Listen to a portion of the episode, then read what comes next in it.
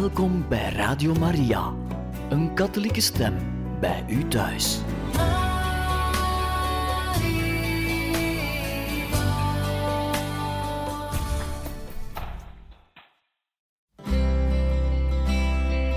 Welkom bij Boekat, een programma van Radio Maria.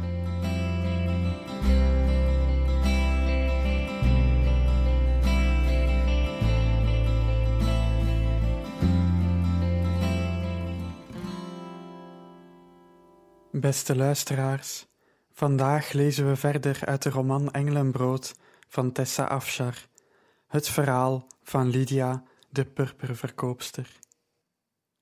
Hoofdstuk 42 De vijand dacht, ik achtervolg hen, haal hen in, verdeel de buit. Weldra wordt mijn wraaklust bevredigd. Ik trek mijn zwaard, ik onderwerp hen weer. Exodus hoofdstuk 15, vers 9. We hebben je beneden nodig, zei Rebecca toen Lydia uit Chloris kamertje kwam. Lydia kromp in elkaar. Ze zag aan het gezicht van haar vriendin dat er moeilijkheden waren. Wat nu? Er is een probleem met het indigo. Het speciale purper waar ze op dit moment aan werkten begon met indigo, een donkerblauwe verf die gewonnen werd uit de bladeren van een plantensoort die groeide in het verre Tamilland. Andere planten, die dichter bij Filippi werden geoogst, konden ook indigo produceren, maar Lydia vond deze soort beter dan de rest. De indigo-producenten van Tamil verwerkten de bladeren volgens hun oeroude technieken tot een pasta. Lydia kocht indigo-pasta van een handelaar die de verf met een karavaan helemaal uit Tamil haalde. Een groot deel van de weg voerde door ruw terrein en hij kon slechts voor een deel van zijn ingewikkelde reis op gevestigde handelsroutes vertrouwen. Ze had ervaren dat de handelaar een betrouwbaar man was, een man op wie ze door de jaren heen had gerekend. Er was nog nooit een compilatie met een van zijn leveringen geweest. Wat voor probleem? Lydia rende vlug naar beneden met Rebecca in haar kielzog. De kleur is verkeerd. We hebben verschillende baden geprobeerd, maar ze werken niet. Lydia begon naar de werkplaats te rennen.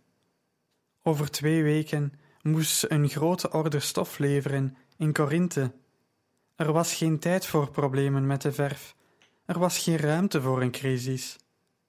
De verfmeester stond op toen Lydia het vertrek binnenkwam. Eén blik en Lydia wist hoe ernstig hun probleem was. In plaats van de opake, bijna zwarte kleur die je van indigo zou verwachten, was de vloeistof in de kuip lichtblauw. Begin een nieuw bad, zei Lydia. Ze sloeg ieder stadium met argusogen gade om de fout te vinden. Er waren geen fouten. Het indigo was ondeugdelijk. Bleek van spanning boog Lydia zich over de verfkuip met de indigo-pasta en bekeek hem van dichtbij. Eerst bespeurde ze niets verkeerd, tot ze aan de pasta rook. Ze keek op, getroffen door een scherpe geur wat ruik ik? De verfmeester schudde zijn hoofd. Ik weet het niet, mevrouw. Lydia smeerde wat in haar handpalm. Een milde tinteling ging over in een kleine brand. Haastig waste ze haar hand en droogde hem af met een schone handdoek. Ze frommelde de handdoek op tot een bal en zei: Ik heb nog nooit een probleem gehad met deze verf. Rebecca, toen deze partij werd geleverd, hebben we toen een test uitgevoerd voordat we betaalden. Ja, zoals we altijd doen. We hebben niets ongewoons gemerkt. Lydia, Rebecca en de verfmeester werkten urenlang aan het indigo. Eerst weekten ze de pasta in water. Toen probeerden ze een oplossing van wijn en water. Tegen middernacht hadden ze geen enkele vooruitgang geboekt en waren ze uitgeput. Er werd hard op de voordeur gebonst en ze keken alle drie op. Uitstekend, nieuwe moeilijkheden. Deze begon ik net zat te worden, zei Lydia, voordat ze zich naar de binnenplaats begaf. Epaphroditus, die in de werkplaats sliep, had de deur al opengedaan toen ze aankwamen. Antiochus, dat had ik kunnen weten. Lydia draaide zich om en liep naar de werkplaats terug. Kom morgen maar terug. Misschien dat ik dan wat geduld voor je kan opbrengen. Wat is er dan? Een nare dag? Lydia stond abrupt stil. Ze haalde diep adem en keerde zich om. Heb je gedronken? Feestje gevierd? Hij stond te wankelen. Ik heb hier geen tijd voor, ga naar huis. Wil je niet weten wat ik te vieren had? Nee, Antiochus grijnsde. Er zat een grote vlek op zijn toga, die gedraaid zat om zijn schouder.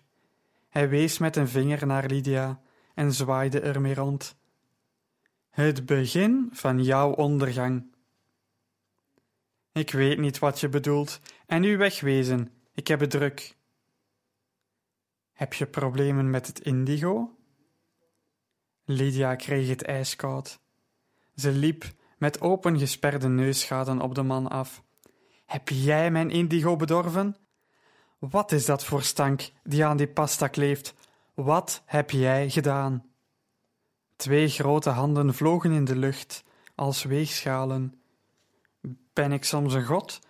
Hoe kan ik nu indigo bederven? Als je door een ramp getroffen bent, moet je mij niet de schuld geven. Ik ben alleen gekomen om van al je ellende te genieten. Eruit, zei Lydia knarsetandend. Antiochus maakte een buiging en kantelde bijna voorover. Hij begon uitgelaten te lachen. Dag zeven, Lydia. Het is dag zeven. En je hebt me niet gegeven wat ik wil. Dus geef ik jou wat je niet wilt. Beschouw het als een eerste betaling. Hij streek met zijn hand door zijn verwarde haar. Of je kunt me natuurlijk altijd het meisje geven, dan houdt het hierop. Je krijgt haar niet. Geniet dan maar van je bedorven verf. Ik mag dan het recept van je onberispelijk purper niet kennen, maar ik weet wel dat je zonder indigo van goede kwaliteit niets kunt maken. Rebecca kwam naast haar vriendin staan en legde een beschermende hand op haar schouder. Je hebt je boodschap afgeleverd, Antiochus. Ga nu weg. Toen de deur vergrendeld was, zakte Lydia in elkaar. Heb je het gehoord? Rebecca knikte met een ernstig gezicht. Ik begrijp het niet. Is hij stiekem in de werkplaats geweest? Ik weet zeker dat de verfnalevering in orde was. Er moet onder ons dak mee geknoeid zijn. Heeft hij een van zijn spionnen in ons midden geplaatst? Of een van onze eigen mensen omgekocht? Ze leunde tegen een zuil. We kunnen ons in ons eigen huis niet meer veilig voelen, zolang we blind zijn voor de bron van dit kwaad. Kunnen we ons niet tegen een volgend incident beschermen? Laten we één ding tegelijkertijd overdenken. Eerst hebben we te kampen met de schade die hij al heeft aangericht. Is het indigo onherstelbaar bedorven? Lydia knikte. We hebben alles gedaan wat ik kon bedenken. Die bestelling purperstof komt niet op tijd aan in Korinthe, tenzij ik binnen twee dagen de hand kan leggen op een grote hoeveelheid indigo. Waar moet ik zoveel indigo vinden voor een fatsoenlijke prijs? Ik zal er de volle marktwaarde moeten voor betalen, zodat we nauwelijks winst zullen maken.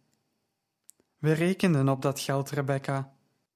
En als we wachten op een nieuwe levering van indigo, wordt de bezorging van de stof wekenlang vertraagd. Onze klanten zullen nooit meer een order bij ons plaatsen, terwijl zoveel andere handelaren staan te popelen om hun gunst te winnen. Ze zijn een van onze beste afnemers en ze verwachten op ons te kunnen rekenen. Ze wreef op haar voorhoofd. Wat een helse week. Komt er dan nooit een einde aan? Rebecca gaf haar arm een kneepje. Chloris leeft nog. Apollonia houdt vol. Demetrius kan uitkijken naar een blije en welvarende toekomst. En Antiochus heeft nog niet gewonnen.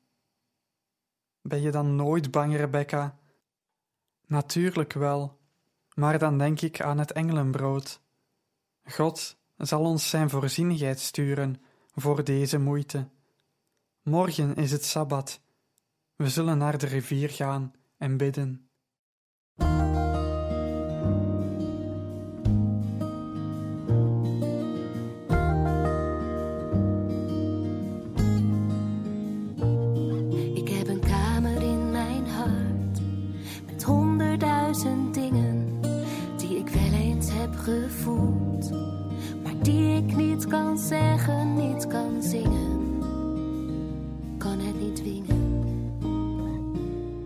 Ik heb een dagboek in mijn hoofd met tientallen verhalen waarvan ik elke letter ken, maar die ik niet durfde uiten of vertalen dat voelt als falen.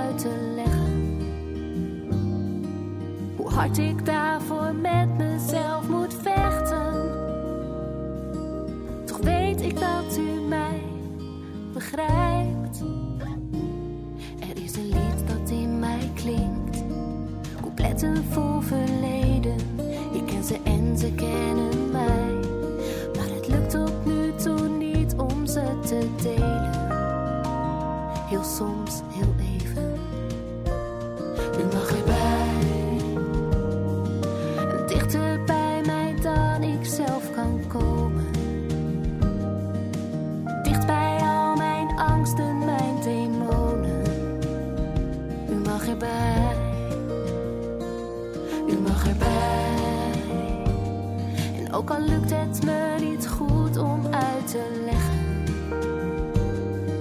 Hoe hard ik daarvoor met mezelf moet vechten. Toch weet ik dat u mij begrijpt.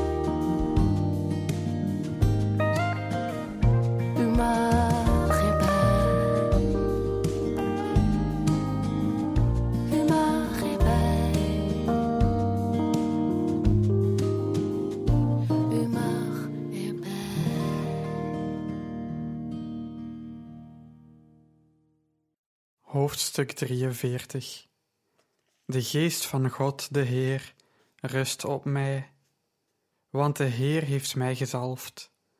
Om aan armen het goede nieuws te brengen, heeft Hij mij gezonden.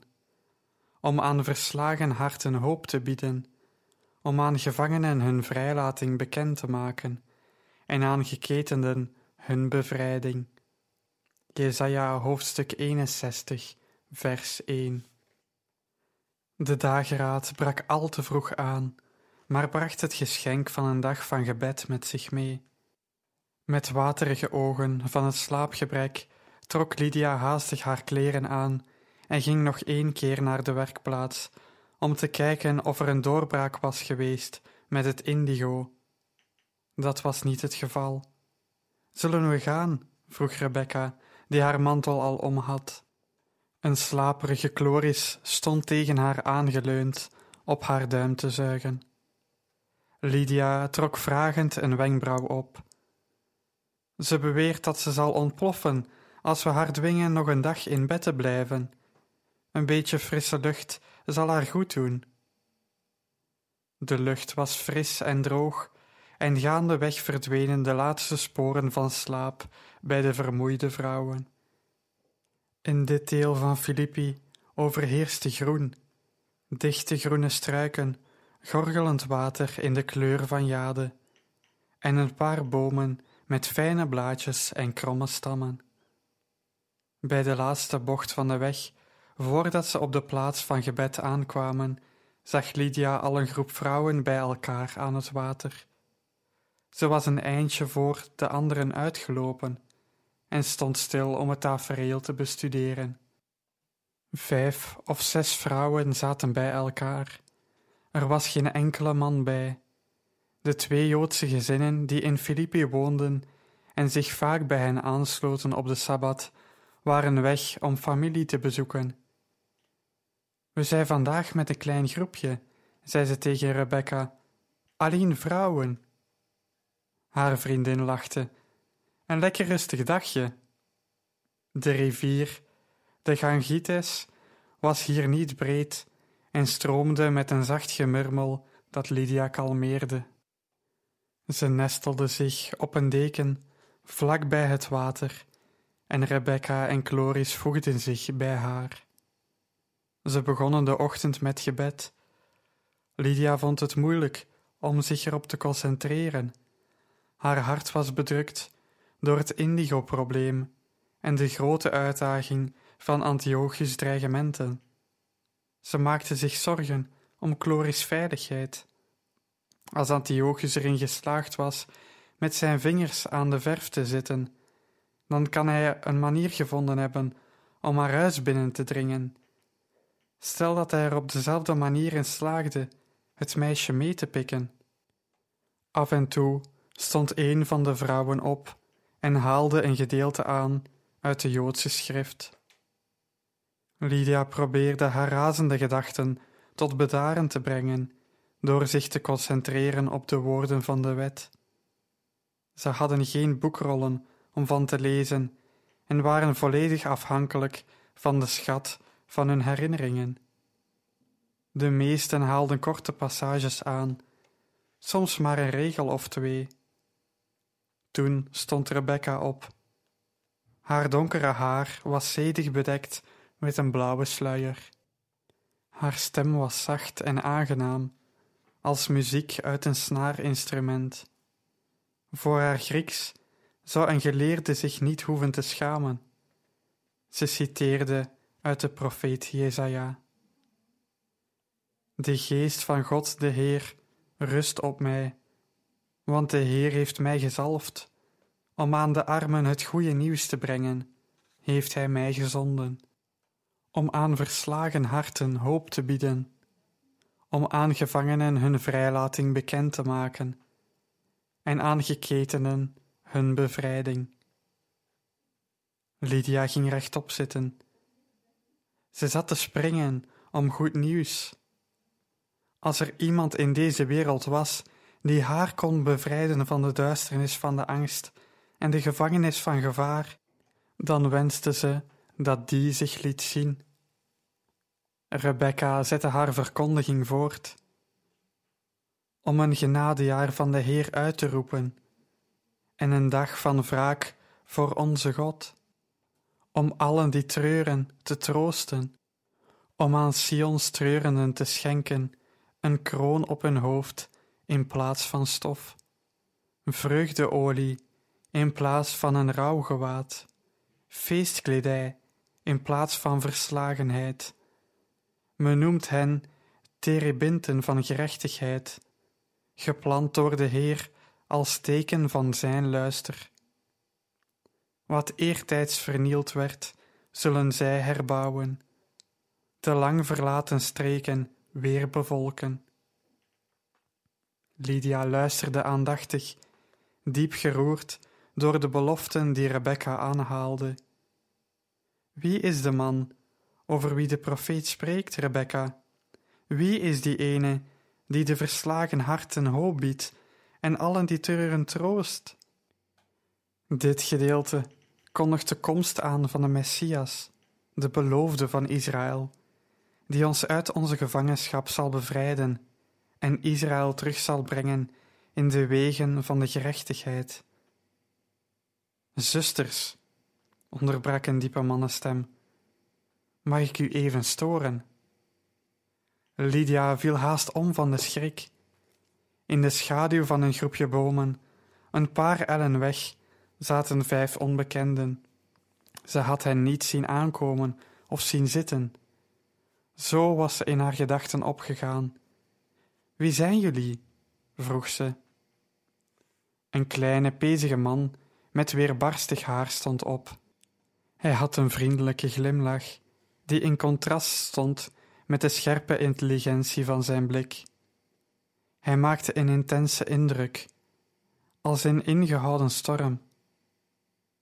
Mijn naam is Paulus en ik kom uit Tarsus. Dit zijn mijn vrienden. Dit is Silas, een trouwe volgeling van God. En die jonge leeuw daar, naast hem, heet Timotheus. Naast me zit zijn vriend Lucas, die arts is. En deze knappe vent is een Romeinse architect en ingenieur, Marcus Cornelius Marcius. Lydia zag een zee van gezichten. Ze wendde zich weer tot de man die zich als Paulus had voorgesteld en zei: Ik ben Lydia, handelaar in purper, en dit is mijn vriendin Rebecca. Neem ons niet kwalijk dat we storen, zei Paulus. We bezoeken jullie stad. We wilden meedoen met de gebeden voor de sabbat en hoorden dat de gelovigen hier samenkomen. Toen we aankwamen, waren jullie al in gebed. We wilden ons niet opdringen. Mogen we ons bij jullie voegen? Lydia keek haar metgezellen aan om toestemming. Dit is een plaats waar we God aanbidden. Jullie zijn van harte welkom. De mannen kwamen bij hen zitten. Paulus sprak Rebecca aan toen hij zat. Wat heb je de woorden van de profeet mooi gesproken? Beter dan een scriba in de tempel. Geen enkele fout in die lange voordracht. En ik kan het weten, want ik ben opgeleid als fariseer in Jeruzalem, onder de geëerde leraar Gamaliel. En ik kom uit een lang geslacht van fariseers. Een fariseer, zegt u? Rebecca deed een stap naar voren. Het gebeurt niet vaak dat mannen van uw voornaamheid ons hier in Filippi de eer aandoen. Paulus wuifde het weg. Ik ben hier niet als leraar van de wet. Mijn vrienden en ik hebben een heel eind gereisd om jullie heerlijk nieuws te brengen op deze mooie sabbat. Want ik ken de man over wie de woorden van de profeet zijn geschreven. Je kunt zelfs zeggen dat ik hem heb ontmoet. Zijn naam is Jezus en hij is de Messias.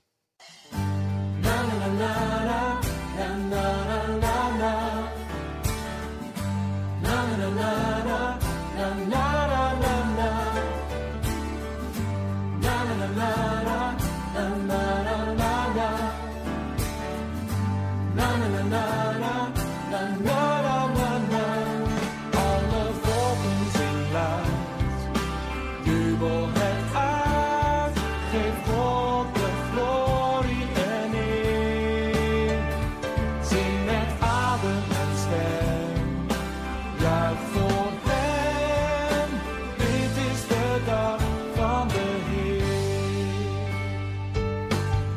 De dag die komt, schudt de wereld wakker vangt aan met luid trompetgeschal.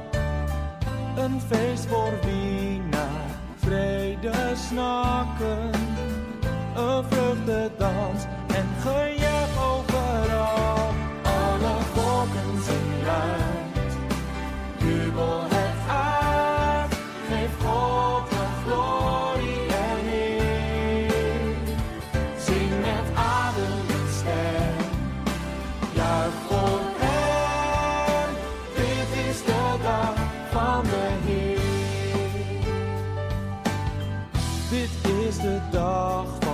recht en vrede.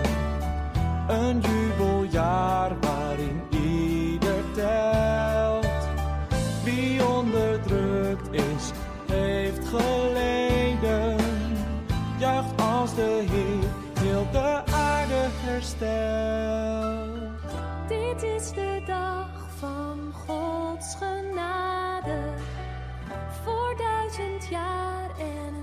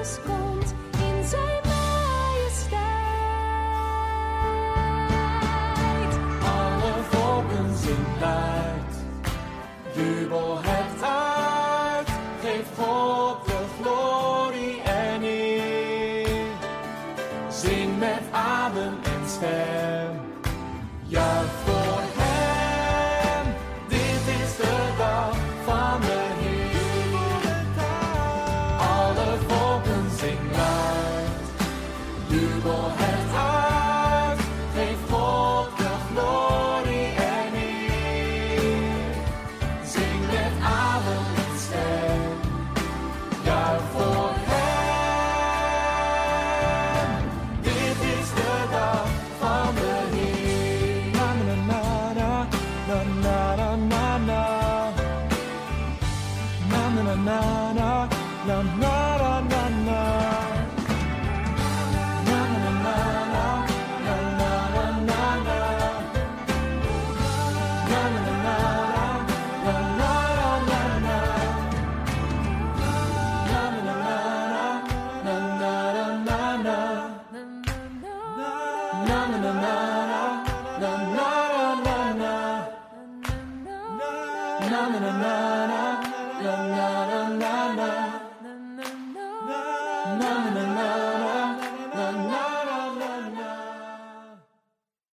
Hoofdstuk 44 Wij dwaalden rond als schapen. Ieder zocht zijn eigen weg. Maar de wandaden van ons allen liet de Heer op hem neerkomen. Jesaja hoofdstuk 53 vers 6 Lydia was gefascineerd. Hier was een Joodse leraar van de wet, die samenreisde met een Romein en een Griek. Voor zover zij zich kon herinneren, trokken fariseërs niet op met niet-Joden, die ze als onrein beschouwden. Nog prikkelender was dat deze man bereid was om bij een groep vrouwen te zitten en een gesprek te voeren. Dat op zichzelf was een opmerkelijke inbreuk op de Joodse gewoonte. Ze stelden vast dat het geen gewoon gezelschap mannen was. Ze streek haar amethyskleurige tunica glad en sprak hen aan. Meester Paulus, ik ben geen Joodse, maar ik ben wat jullie Hebreeën een godvrezende noemen. Het valt me op dat sommige leden van uw gezelschap ook niet Joods zijn, en toch neem ik aan dat zij ook in die Messias geloven. Anders zouden ze hier niet zijn. Vertel ons alsjeblieft meer over die man. Vertel ons over die Jezus. Paulus gaf een klap op zijn bovenbeen en stond op. Ik hoopte al dat je dat zou vragen, want hij is de vervulling van het schriftwoord dat Rebecca daar straks aanhaalde.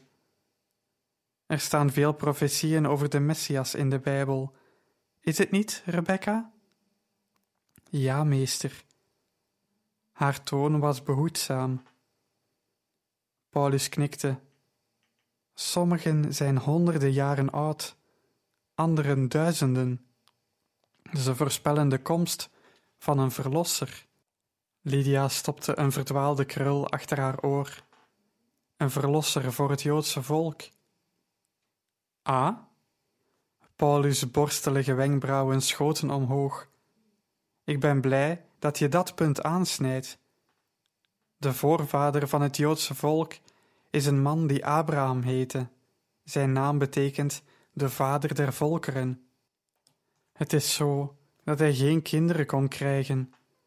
God beloofde hem dat hij, ondanks zijn gevorderde leeftijd, toch een zoon zou krijgen, en dat door zijn afstammelingen alle volken op aarde gezegend zouden zijn. De Joden zijn de kinderen van Gods belofte, het zaad van Abraham. Zijn verlossing komt uit ons, het Joodse volk, maar vanaf het begin van onze geschiedenis was het de bedoeling van God om alle volkeren te zegenen door ons. Grieken, Romeinen, Perzen, het is onbelangrijk. Dit geschenk is voor iedereen. Lydia boog zich naar voren. Dus ik hoef niet joods geboren te zijn om verlossing te krijgen. Dat klopt. Paulus klapte in zijn handen en glimlachte. Toen verdween zijn glimlach en zijn uitdrukking werd ernstig. Maar je hebt een groter probleem dan alleen je geboorte. Een probleem dat veel meer invloed heeft op je lot dan je afkomst. Wat dan? Het probleem van de zonde. Niemand van ons is er vrij van. We zijn geboren als slaven van de zonde, gebonden aan zijn verleidingen en trucs. Hij onderwerpt ons van binnenuit, zelfs de allerbesten. Lydia hing geboeid aan zijn lippen. Hoe kan een mens dan bevrijd worden? Niet door zijn eigen inspanning, dat kan ik je beloven. Paulus trok aan zijn baard. De Fariseeën maken een gedetailleerde studie van de wet van God. Ze halen hem uit elkaar, scheurden hem in kleine stukjes en scheppen honderden regels om maar te zorgen dat de wet netjes wordt gehandhaafd. Als je de verordeningen volgt, dan word je rechtvaardig, beweren ze. Als je deze regels niet overtreedt, kun je de zonde vermijden. Maar het is een zinloze praktijk. Rebecca's mond viel open. Silas bedekte besmuikt een glimlach. Paulus vervolgde: Hoe kan een mens zijn hart regeren, zijn hart opdragen, niet te haten of wrok te koesteren, of jaloersheid te voelen? Hoe kan een mens eisen dat zijn hele ziel God lief heeft en zijn hoofd dwingen tot volmaakte gehoorzaamheid? Ik heb het jaren geprobeerd en ik kon nog niet eens een klein opdrachtje van Salomo uitvoeren. Op God vertrouwen met mijn hele hart en niet op mijn eigen inzicht. Zodra ik de kans kreeg, steunde ik op mijn eigen inzicht. En ik denk dat ik niet alleen sta in die worsteling. De hele mensheid heeft daar moeite mee. Dat kon Lydia niet tegenspreken. Ze had zelf sterk de neiging op haar eigen inzichten te vertrouwen. Het viel haar op dat Rebecca dieper wegkroop in de plooien van haar mantel. Ik heb altijd begrepen dat we daarom offers brengen. Het bloed van het offer bedekt onze zonde en wast ze schoon, alsof ze nooit hebben bestaan. Lucas glimlachte. Zij is slim, hè? Ja, inderdaad, Marcus knikte. Ik heb dat alles als klein kind vanaf het begin af aan moeten leren. Ze is je twee stappen voor, Paulus. Laten we eens zien of ik haar kan inhalen. Hij knikte tegen Rebecca. Je hebt inderdaad gelijk. Maar ja, hoe lang blijven we na ieder offer rein? Rein van iedere morele wandaad. We zouden om het uur met een onbevlekt offer naar de tempel moeten sjouwen om onze overtredingen bij te houden. De wereldbevolking van vee, duiven en tortelduiven zal spoedig afnemen en van de aarde verdwijnen. Een zacht gegniffel ontsnapte aan Rebecca's lippen. Ze slikte het in en trok haar lippen in een strakke lijn. Het was niets voor haar om zich te laten overtuigen door de kracht van een goed argument, wist Lydia. Onze God is een goede vader, boordevol ontferming en genade. Hij heeft geduld met ons, ondanks al onze gebreken. Hij is langzaam tot toren, en hij wil met ons redeneren, ondanks onze dwaalwegen. Paulus staarde in de verte, maar God is ook heilig. Wie kan in zijn nabijheid komen? Hij die heilig is, zei Rebecca. Hij die heilig is. Paulus knikte. Onbevlekte heiligheid wordt van ons geëist. We mogen niet bijna rein zijn, nagenoeg smetteloos. Met maar een beetje aanslag hier en daar Wat geëist wordt, is volmaakte heiligheid. Tja, wie kan dan verlost worden? Rebecca wreef over haar voorhoofd. U maakt er een onmogelijke taak van. Ik dacht dat u zei dat u goed nieuws kwam brengen. Tot nu bent u er alleen maar in geslaagd me wanhopig te maken. Lydia kromp ineen. Als zelfs Rebecca zich al ontmoedigd voelde, dan was er voor haar geen hoop. Paulus grinnikte. Ik zal het goed maken. Het is altijd Gods bedoeling geweest om ons uit deze valstrik te verlossen, om ons inwoners van Zijn koninkrijk te maken, kinderen van Zijn hart. Zijn liefde voor ons kent geen grenzen. God heeft ons talloze beloften gegeven in Zijn woord en kondigt Zijn komende verlossing aan. Weet je nog? Het paaslam. Dat verhaal ken ik, zei Lydia. Het was de laatste plaag die God losliet op Egypte, erger dan alles wat daarvoor was geweest.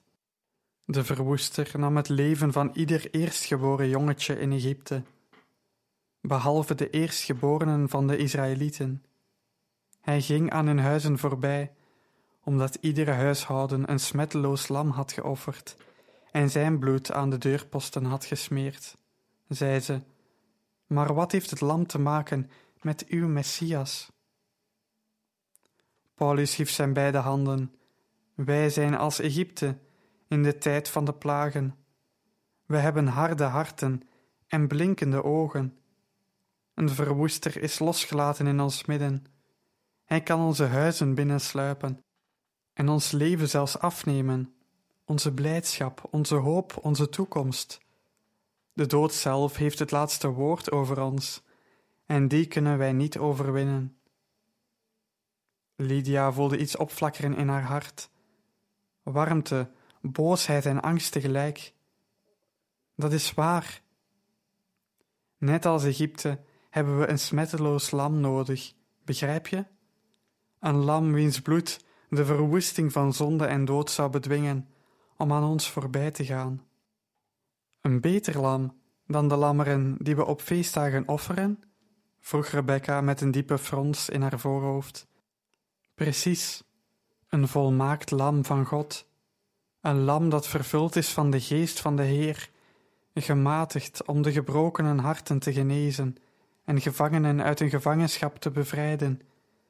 Wie is geen gevangene in deze wereld? Wie heeft het niet nodig om bevrijd te worden? Lydia trok haar knieën op tegen haar borst en luisterde met haar hele hart. Ze wist wat het was om een gevangene te zijn die bevrijding nodig had. IJzeren tralies zijn niet de enige kerkers die ons gevangen houden. We worden gebonden door grote ketenen. In dit leven worden we achtervolgd door verdriet en we kunnen niet ontsnappen aan zijn scherpe klauwen. Onze ziel is verzwakt van vermoeidheid en wanhoop. Smart verandert blijdschap in as. We worden verraden door wie we lief hebben, te schande gemaakt door wie ons kwaad doen en erger nog, te schande gemaakt door onze eigen daden. Schuld verteert ons als een monsterlijk beest waar we niet tegen kunnen vechten, en we worden tot slaaf gemaakt, gevangen gehouden door angst. Verdriet, verraad, schande, schuld, angst. Wij zijn slaven van die duistere meesters. Jezus is gekomen om ons te bevrijden, vrij te maken van zonde en dood. Lydia's ogen werden groot. Ze klemde haar handen ineen, en toch bleven ze trillen. Ze deed haar mond open om een vraag te stellen. Er kwam geen geluid uit.